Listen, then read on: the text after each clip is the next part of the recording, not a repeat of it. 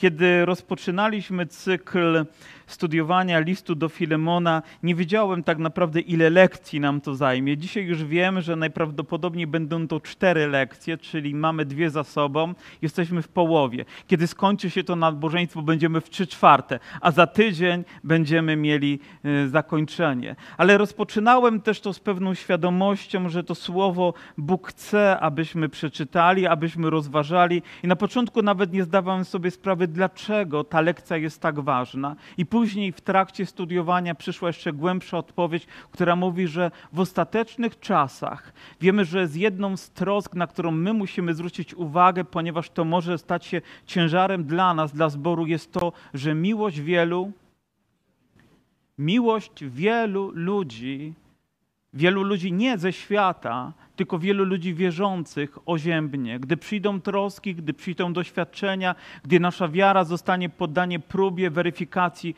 ona oziębnie. To znaczy, że nasze relacje między sobą się oziębią. To znaczy, że stosunki między bratem a siostrą będą nie takie, jakich Bóg oczekuje. Ale słowo, które czytamy w liście do Filemona jest pełne miłości, jest pełne troski, jest pełne zachęty i dlatego dla nas ono jest tak ważne. Ono jest również bardzo praktyczne praktyczne w odniesieniu do naszego życia. Już wiemy o tym, że aby pokonać pewne bariery, aby nasze serce mogło się poszerzyć, potrzebujemy podchodzić do siebie jak z dziękczynieniem. Potrzebujemy dziękować za siebie nawzajem w modlitwie, w uwielbieniu, przynosić Bogu chwałę, nawet za te osoby, albo przede wszystkim za te, z którymi jest nam trudno.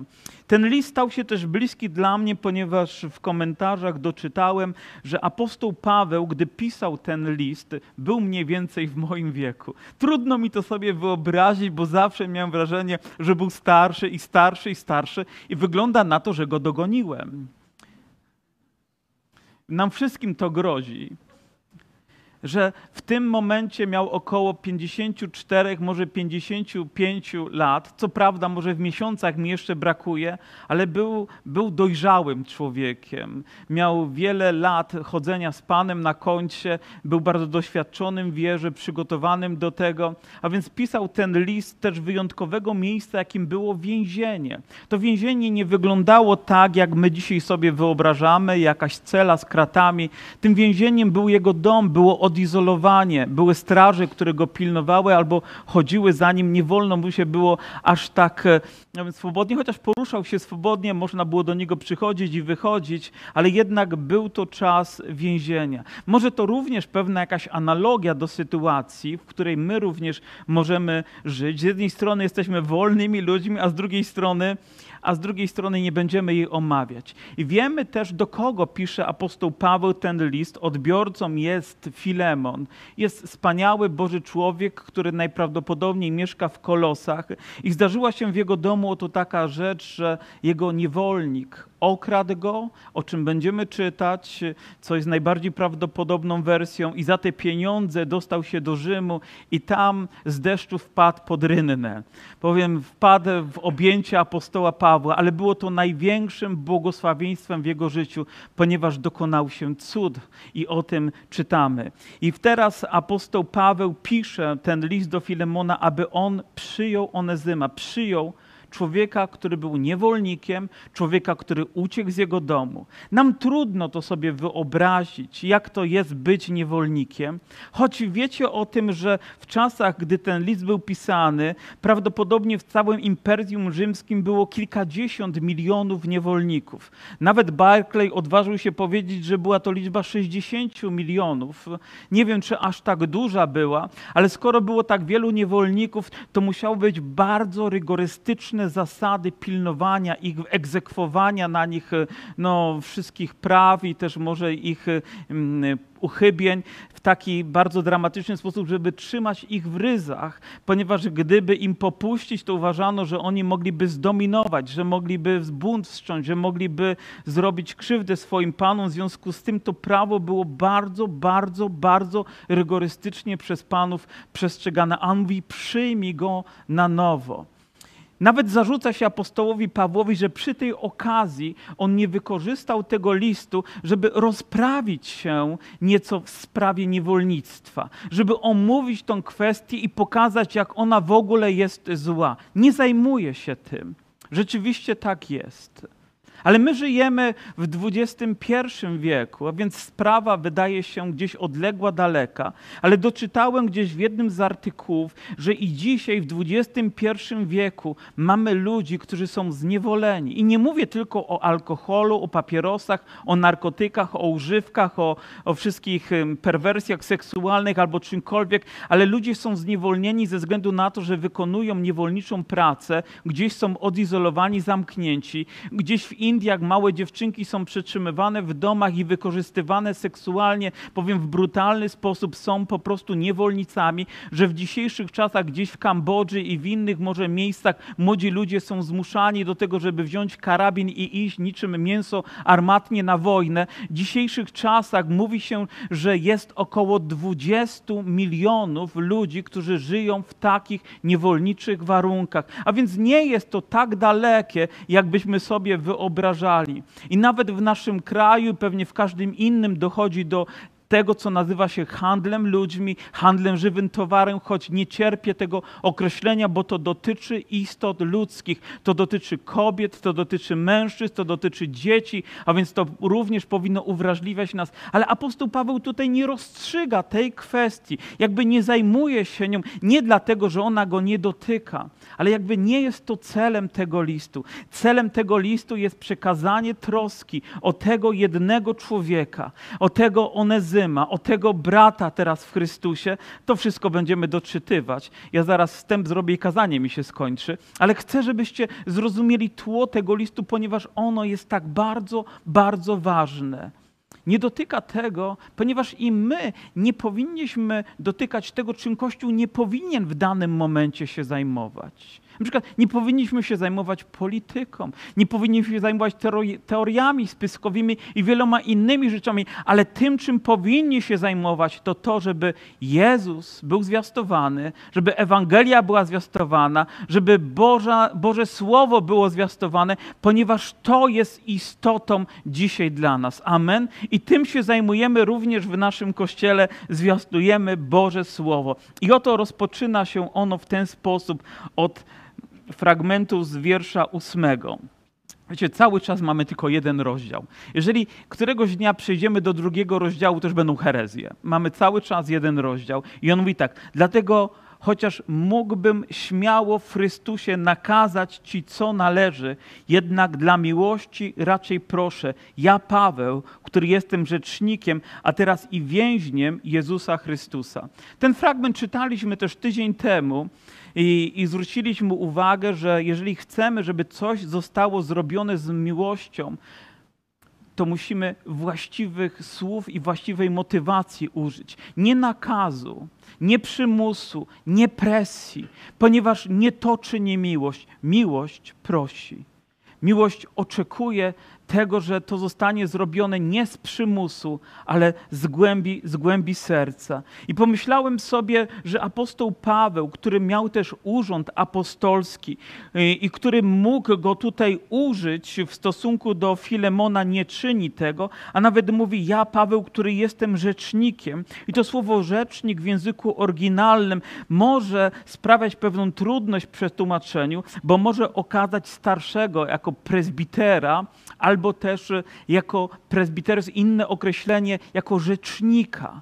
Ale znając kontekst tego listu i początek, apostoł Paweł nie mówi, o ja tutaj mam urząd i ci nakazuję, ale ja wykonuję jakby wolę Pana, przekazuję Jego słowo. Chcę, żeby to słowo było zachętą, żeby było inspiracją dla Twojego serca. I myślę, że z taką postawą również i my, którzy usługujemy, powinniśmy stawać przed ludźmi. Nie nakazujemy ludziom, ale pobudzamy wzbudzeni Bożą miłością chcemy wzbudzić tą miłość w sercach innych ludzi. Myślę, że najniższym poziomem sprawowania urzędu jest władza, jest nakaz. I ci ludzie nie cieszą się najwyższym autorytetem, jeżeli tego nadużywają. Ale ludzie, którzy mają autorytet w Bogu, wtedy będą mieli też autorytet w oczach innych ludzi, którzy są pełni miłości, będą mieli posłuch, ponieważ ludzie zobaczą, że to, co czynią, to, co mówią, jest autentyczne. I poza wszelką wątpliwością, tak było w życiu apostoła Pawła. I proszę Cię, i określenia takiego używa, za synem moim Onezymem. I dobrze wiemy, że apostoł Paweł nie miał dzieci, Wiemy, że nie miał żony, wiemy, że nie miał rodziny, był człowiekiem, który całe swoje życie poświęcił służbie, a więc gdy używa tutaj słowa syn, ma na myśli kogoś, kogo przyprowadził do Chrystusa, a ten stał mu się tak bliski jak syn. A więc innymi słowy mówimy, że stał się jego duchowym synem, stał się jego duchowym wychowankiem, który poprzez jego zwiastowanie został zrodzony do, do, do, do Bożego Królestwa. To może taki paradoks, ale wyobraźcie sobie, że ktoś z Was jest nieco starszy ode mnie i miałem przywilej poprzez Boże Słowo przyprowadzić go do Chrystusa, a więc nawet ci, którzy są starsi ode mnie, są moimi synami, są moimi córkami w Chrystusie. I to jest bardzo głęboki poziom relacji, który stwarza się między dwojgiem wierzących ludzi na tej duchowej płaszczyźnie. Ktoś powiedział nawet, że jeżeli my przyprowadzimy kogoś do Chrystusa, to jest to porównywalne jak urodzenie kogoś. Jest to tak bliskie, tak, tak szczególne doświadczenie. I może dlatego też, gdy nasi synowie, duchowi synowie, czynią coś niewłaściwego, albo odwracają się, albo ich słowa ranią nas, tak głęboko to boli i zapada w nasze serca. Ale myślę, że trzeba bardzo docenić ten fakt, że przyprowadzenie kogoś do Chrystusa, powiem, daje naszemu życiu nową też wartość. Stajemy się duchowymi ojcami, stajemy się ludźmi i ktoś, kto tego nie doświadczył, to tak jakby został z czegoś zubożony.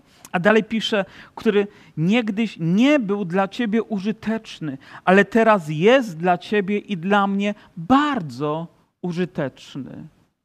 Chrześcijaństwo to nic innego jak przemiana życia człowieka. Z człowieka tego świata do człowieka, który należy do Bożego Królestwa, ale również po drodze przemiana naszego charakteru. To, na co chrześcijaństwo nie pozwala, to na to, żebyśmy pozostawali w starym życiu niemalże, ze względu na to, że nie zmienia się nasz charakter, nie zmienia się nasza postawa, nie zmienia się kultura naszego życia, nie zmienia się nasz język. Nie, na to chrześcijaństwo nie daje przyzwolenia. Chrześcijaństwo to również moc Boża, która zmienia nas, która kształtuje nas i czyni nas nowymi ludźmi, daje nam duchowy, mocny, moralny kręgosłup, abyśmy stawali w imieniu Pana Jezusa, abyśmy byli świadectwem dla dla innych ludzi. Bo cóż to jest za chrześcijaństwo, jak ktoś jest wierzący 10 lat, ale wciąż tylko kłótnie, zwady, wciąż tylko bluzgi albo inne rzeczy. I cóż to za chrześcijaństwo, gdy ktoś jest 20 lat w Panu, a wciąż poniewiera innych ludzi, bo cóż to za chrześcijaństwo, które nie zmienia życia człowieka. Nie, na to nie ma przyzwolenia. Jeżeli idziemy za Chrystusem, to również Bóg czyni nasze życie użytecznym, prawda, że tak? Nasz charakter i nasza postawa powinny być adekwatnie do wiary i do czasu zmieniane. Powinniśmy dorastać do pełni, do tych Bożych wymiarów nie wyobrażam sobie, że mógłby być inny scenariusz, bo taki jedynie nam został postawiony przez, przez Boże Słowo. Bo gdyby tak było, to czas upłynął, a my wciąż jesteśmy duchowymi niemowlakami, którzy wciąż tylko mówią: To moje, ja tego potrzebuję, nic inny się nie liczy, tylko ja i ja. Taki nie był Paweł. I myślę, że takim też nie był Filemon i takim nie stał się Onezym. Oto gwarancją rozpoczęcia tej zmiany jest nowe życie, które jest w Chrystusie. Nie da się zmienić natury człowieka, jeżeli nie zmieni się jego serca, nie zmieni się jego wnętrza, a tego nikt inny nie potrafi dokonać, tylko nasz Pan Jezus Chrystus. I gdy On tego dokona, nie ma rzeczy niemożliwych, które nie dałoby się zmienić w naszej postawie i w naszych relacjach. Jeżeli tylko uniżymy nasze serce przed Nim, Pan dokona swojego dzieła, Pan przyniesie swoje uzdrowienie, Pan przemieni nasz charakter tak, jak On chce to uczynić. Onezym był, co prawda, nieużytecznym, ale nawet teraz jego imię znaczy użyteczny, użyteczny dla Boga, użyteczny dla apostoła Pawła i staje się też użyteczny dla Filemona. Mówi, kiedyś nie był takim, ale teraz takim się staje. Teraz Boże Królestwo zamieszkało w jego sercu. Paweł ma tą gwarancję, ponieważ był świadkiem, jak ten młody człowiek oddał swoje życie Jezusowi. Był świadkiem, jak on zaczął duchowo wzrastać. Nawet nie wiemy, ile czasu upłynęło od momentu, kiedy on się nawrócił, do momentu, kiedy Paweł pisze ten list, ale miał czas, żeby obserwować tą zmianę, która w nim zachodzi. Może to była łagodność jego usposobienia, może to był ten gniew, który zgasł od chwili, kiedy wyszedł ze swojego domu w buncie, może i, i, i w złości przeciwko Filemonowi i nie wiadomo komu jeszcze, ale teraz jest innym człowiekiem. I oto pisze, te, tego ci odsyłam i to stwierdzenie, które jest tak niezwykłe, On jest sercem moim. Wiecie, gdybyśmy próbowali to jakoś wytłumaczyć, to apostoł Paweł powiedział tak, wiesz co, ja serce moje ci odsyłam. Wyobrażacie sobie taki poziom zaangażowania jednego brata w stosunku do drugiego, tak głęboki, tak, tak pełen miłości, tak pełen troski, że mówi: Moje serca, więc to, co z nim zrobisz, będzie miało dla mnie znaczenie, prawda? Jak trudno jest otworzyć swoje serce przed inną osobą, jak trudno jest dać samych siebie innym, zwłaszcza gdy liczy się zawsze to, co moje, to, co moje, to, co moje. Ale apostoł Paweł był dojrzałym człowiekiem. On wiedział, że bardziej błogosławioną rzeczą jest dawać, aniżeli brać. I tak trudno nam jest otworzyć się na siebie nawzajem w szczerej, braterskiej miłości. Oczywiście możemy zachować poprawność, możemy zachować pewną kulturę ewangeliczną, ale w czym tym jest autentyczność?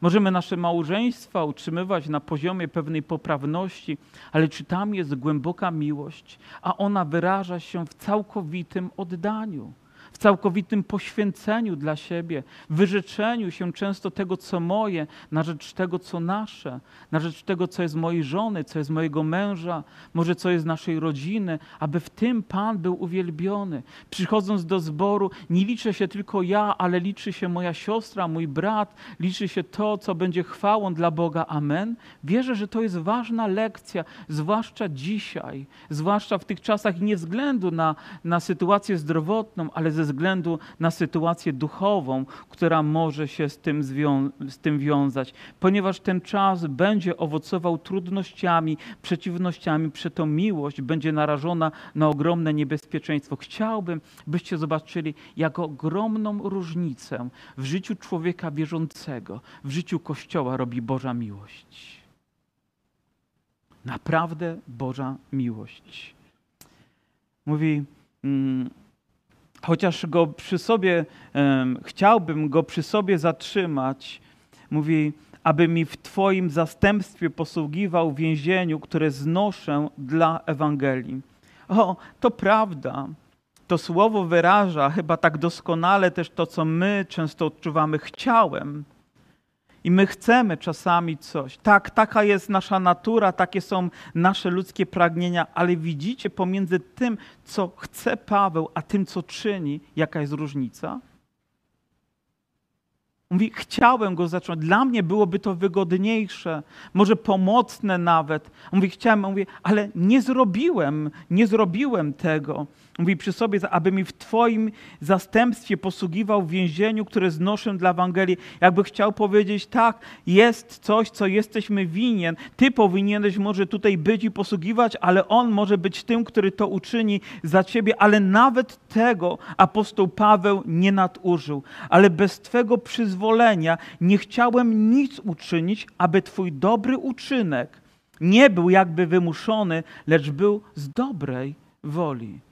Znaczenie ma to, jakie są nasze intencje w stosunku do innych ludzi, dlaczego to wykonujemy. I apostoł Paweł nawet tej sfery nie chciał naruszyć. Mój mógłby wywrzeć na niego presję, przymusić go, ale cóż to by był za dar? Wiecie, wymuszony dar przestaje być darem. Jeżeli kogoś do czegoś zmusić, już nie będzie to czymś, co będzie chwalebne. Możemy zmusić kogoś do tego, żeby śpiewał jak nami, ale czy będzie to uwielbienie?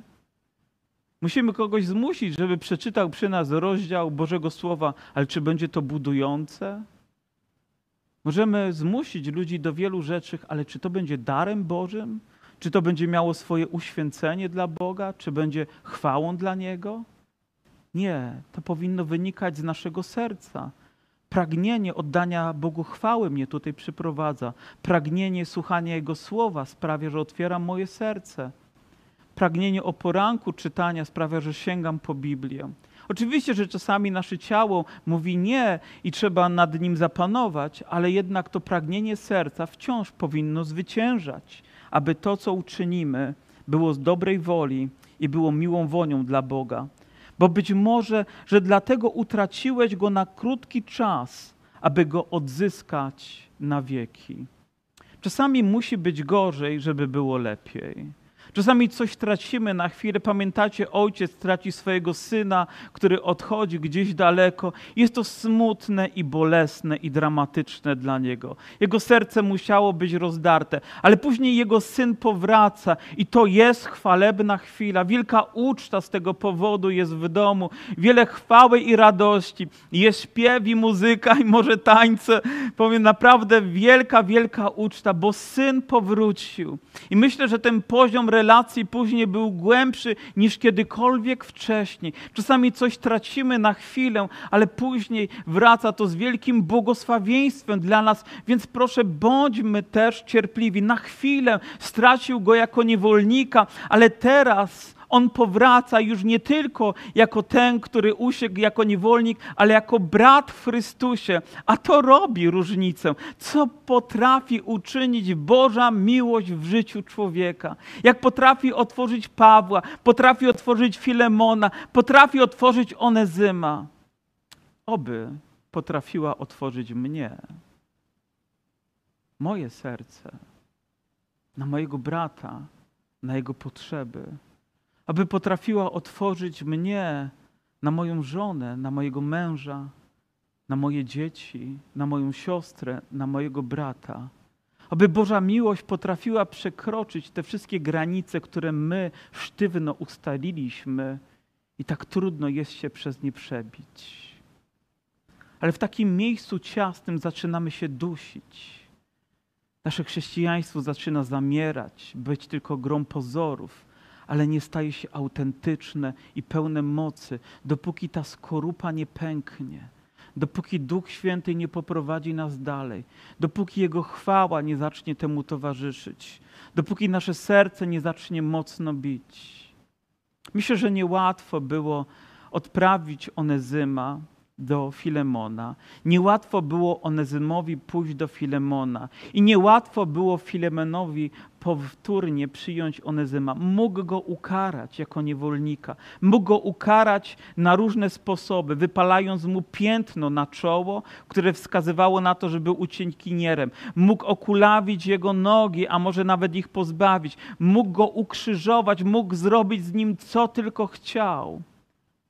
Ale tak nie czyni Boża miłość. Boża miłość przyjmuje. Boża miłość przebacza. Boża miłość potrafi zapomnieć o przeszłości.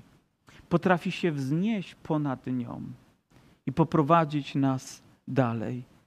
Już nie na chwilę, ale na wieki, bo już nie jako sługę, ale więcej niż sługę, bo jako brata umiłowanego, zwłaszcza dla mnie, a tym bardziej dla Ciebie, tak według ciała, jak i w Panu. To piękne, kiedy stajemy się nie tylko fizycznie, może nawet ale rodziną Bożą się stajemy kiedy ten sługa teraz jest kimś bliskim. Myślę, że wspaniałą rzeczą jest mieć ludzi, którzy wokoło nas są, z którymi nawet współpracujemy i są ludźmi wierzącymi, są ludźmi oddanymi Bogu, bo to buduje poziom zaufania, a przynajmniej tak powinno być. Może jeszcze kilkadziesiąt lat temu to, że człowiek był wierzący, było pewnym certyfikatem jakości jego życia, jego charakteru, było godne tego, żeby zaufać mu, poświęcając mu nawet swoje mienie, pieniądze, inne rzeczy, wiedząc, że nie zawiedzie nas. Dzisiaj to słowo się zdewaluowało.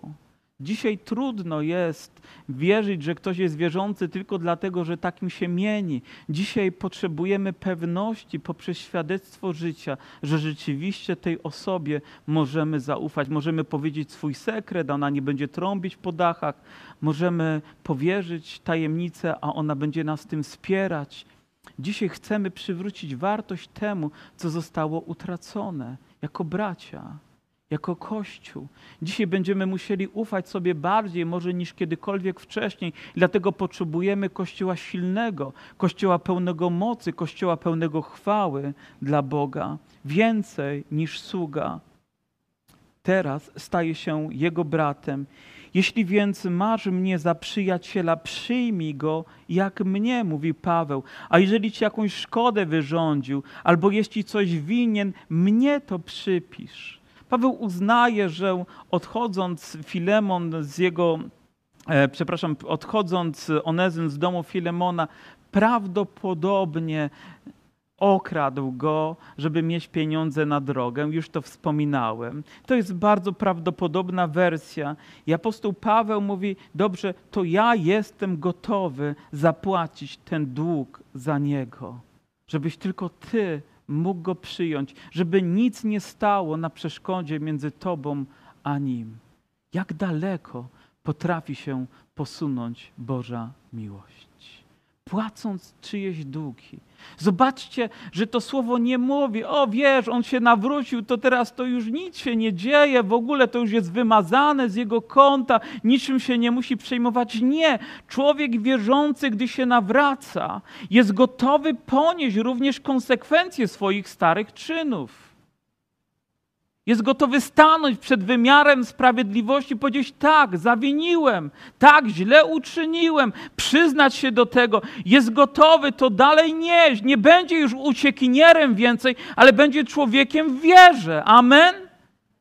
Ponieważ taki powinien być nasz charakter, taka powinna być nasza postawa. Nie chowamy wtedy głowy w piasek i zapominamy, o nic się nie wydarzyło, o nikogo nie poraniłem. Tak, poraniłeś, więc teraz powinieneś mieć odwagę i powiedzieć przepraszam, tak, skrzywdziłeś kogoś, powinieneś mieć moralną odwagę pójść, powiedzieć wybacz mi, tak, okradłeś, powinieneś mieć na tyle sumienia, żeby pójść i oddać i nawet uczynić więcej, bo do tego obliguje nas Boże Słowo. Jak to dobrze jest, że on jako niewolnik nie miał nic, że znalazł się ktoś, kto chciał ten dług zapłacić. Ja myślę, że Paweł tego od kogoś się nauczył, prawda? Ktoś zapłacił nasze długi, ktoś wymazał nasze grzechy, ktoś zapłacił wielką cenę, byśmy my mogli być wolni. Słyszałem pewną historię i wy ją również słyszeliście, przynajmniej niektórzy z nas. W tym roku brakowało nam pewnej grupy misyjnej z, z Włoch, która przyjeżdżała do nas co roku. Pamiętacie ich? Wspaniali młodzi ludzie, nie tylko młodzi, ale wspaniali ludzie, którzy wnosili tyle radości i tyle Ewangelii rozbrzmiewało też w naszym parku Halera, gdy oni tam zwiastowali ją. I tyle poruszonych ludzi było. I pamiętam pewien wieczór, gdy przyjechali po raz pierwszy z, jako grupa misyjna stanęła tutaj pewna dziewczyna, młoda Albanka i opowiadała swoje świadectwo. Chyba mało które świadectwo rozdarło tak moje serce. Ona urodziła się w Albanii, tam się wychowywała. W nastoletnim wieku na ulicy spotkała misjonarzy, którzy zwiastowali Ewangelię. I ona usłyszała te słowa, jej serce zadrżało i z jednym z misjonarzy pomodliła się o to, żeby Pan Jezus zamieszkał w jej sercu. I modlitwa się zakończyła i na tym jakby wygasło trochę jej, jej, jej chrześcijaństwo. Wróciła do domu, zaczęła żyć troskami dnia codziennego. Co prawda jakiś tam kontakt na chwilę miała z Kościołem, ale po drodze pojawił się pewien młody, atrakcyjny człowiek, który zawrócił jej w głowie zakochała się w nim i postanowiła, że razem z nim porzuci swój dom i wyjedzie w nieznane. To nieznane okazało się niewolnictwem. Zaraz po przekroczeniu granicy została pozbawiona paszportu, została pozbawiona wolności, została umieszczona w domu publicznym. I zaczęła się gehenna jej życia. Były momenty, kiedy stała w oknie, gotowa, żeby rzucić się z któregoś piętra i to tak skutecznie, żeby pozbawić się życia. Ale wtedy wspomniała ten dzień, to wydarzenie, że któregoś dnia oddała swoje życie Jezusowi i zawołała do Niego: Panie Jezu, uratuj mnie, uratuj mnie, uratuj mnie. Ona na chwilę o nim zapomniała, ale on o niej nie zapomniał nigdy. I oto na jej drodze zostali postawieni ludzie wierzący i gdzieś trafiła w jakimś sposobem do, do społeczności i tam ktoś dowiedział się o jej historii. I to nie było tak, że ona własnymi siłami ani prawnymi środkami mogła się stamtąd wydostać, ale gdzieś z Boże był pewien brat, jak apostoł Paweł, poruszony jej historią, gotowy zapłacić cenę, wysoką cenę, bardzo wysoką cenę aby ją wykupić, by mogła być wolną osobą. I ten brat uczynił to. Wyciągnął ze swojego konta pieniądze tyle, ile mógł, zapłacił cenę i ona odzyskała wolność. Bo tak postępuje Boża miłość.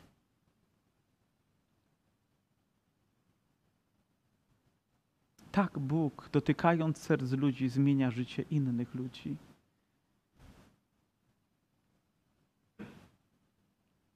Więc nie mów mi, że nie możesz jej okazać osobie, która jest na wyciągnięcie ręki. Nie mów mi, że nie możesz okazać jej swoim dzieciom. Nie mów mi, że nie możesz okazać swojej mamie, swojemu ojcu. Nie możesz okazać tym, którzy może cię skrzywdzili. Ja nawet nie twierdzę, że tak nie jest, ale nie mów mi, że to jest niemożliwe. Niemożliwe jest to tylko w Tobie, ale w Bogu nie ma rzeczy niemożliwych. On chce, abyś przekroczył tą granicę. On chce, abyś okazał miłość pierwszy, abyś dał 100% siebie, zapłacił dług, nie pamiętał nawet o nim, cieszył się, że możesz to uczynić, przynosząc chwałę Bogu. Wszystko inne można by nazwać tylko jednym słowem: to jest tchórzostwo. To nie jest odwaga, którą Bóg nam daje. To nie jest chrześcijaństwo, którego Bóg od nas oczekuje. Tak, patrzę na Pawła, to jest Boży człowiek. Patrzę na Filemona i myślę sobie, tak, otwiera się, nie jest mu łatwo. Został zraniony, ale to jest Boży człowiek. Wielu świętych z jego powodu się uradowało. Patrzę na Onezyma. Tak, to jest Boży człowiek, którego życie zostało przemienione. Patrzę na swoje życie. Może masz odwagę popatrzeć na swoje życie. Jesteś gotowy pójść dalej? Ja, Paweł, piszę własnoręcznie, ja zapłacę. Nie mówię już o tym, żeś mi sam siebie samego winien. Ile winien jest człowiek komuś, kto go przyprowadził do Chrystusa? Powiedzcie, czy jest cena, którą można by to zilustrować? Czy jest wartość, która mogłaby to określić, gdy Twoje życie zostało uratowane na wieki? Czy jest taka suma, której nie warto byłoby poświęcić, żeby uratować taką jedną osobę, jak tą siostrę z Albanii, jak może jeszcze kogoś innego? Ile trzeba pieniędzy? Kiedyś ktoś obliczał na przestrzeni wieków, ile kosztowało zabicie człowieka. I obliczano, że mniej więcej za czasów Chrystusa kosztowało to powiedzmy około 10 dolarów, zabicie jednego człowieka.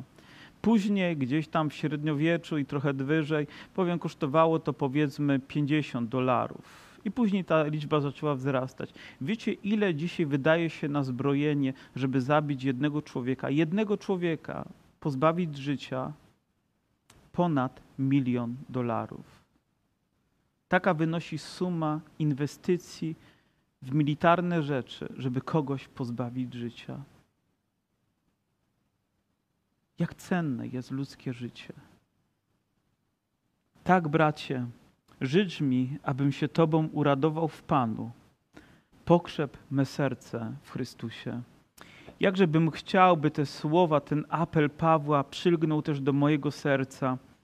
I to, co się wydarzy po dzisiejszym nabożeństwie, to, co się wydarzy dalej, było odpowiedzią: tak, pokrzep mnie, bracie. Pokrzep mnie, moja siostro, świadectwem swojego życia. Niech Boża miłość poprowadzi Cię dalej. Niech uwolni Twoje serce. Zrób to, co jest niewykonalne. Nie dlatego, że ja Ci to nakazuję, nie dlatego, że Cię do tego zmuszam, ale dlatego, że Boża miłość chce Cię do tego doprowadzić. Pozwól jej na to. Pozwól. Pozwól. Pozwól. A zobaczysz, jak Twoje życie, życie innych, życie społeczności poprzez to świadectwo rozkwitnie. Jak wydarzy się wiele chwały. Ten jeden krótki list, ta jedna krótka wiadomość, niczym dłuższy SMS, potrafi tak mocno zainspirować nasze serca. Myślę, że każdy z nas może być wykonawcą tego słowa. Boża miłość czyni różnicę.